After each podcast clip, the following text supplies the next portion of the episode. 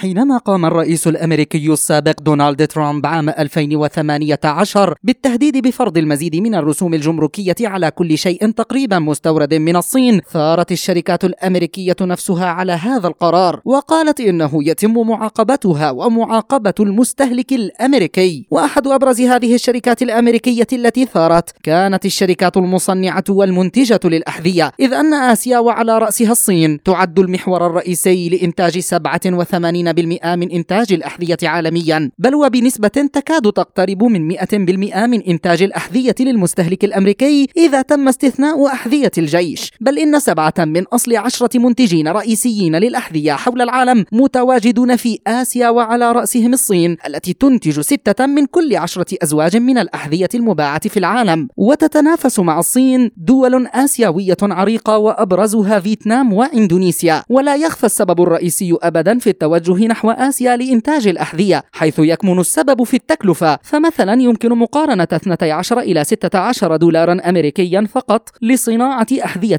أمريكية في الولايات المتحدة الأمريكية بثلاثة دولارات فقط لصناعة نفس الحذاء في آسيا والتي قد يتم دفعها في يوم كامل من العمل في الصين. بل إن الفرق في تكلفة صناعة أحذية فاخرة في الولايات المتحدة الأمريكية مقارنة بصناعته في الصين قد يصل إلى 50 دولارا للزوج الواحد فيما ينظر البعض إلى فيتنام كأبرز الدول الآسيوية التي تحاول سحب البساط من الصين حيث لوجستيات الشحن الأكثر ملائمة والبنية التحتية الفائقة وتوافر المواد الخام عالية الجودة والجلود إلى جانب أنه توجد قيود جمركية إما أنها قليلة أو معدومة عند التصدير من فيتنام. مجد النوري لشبكة أجيال الإذاعية.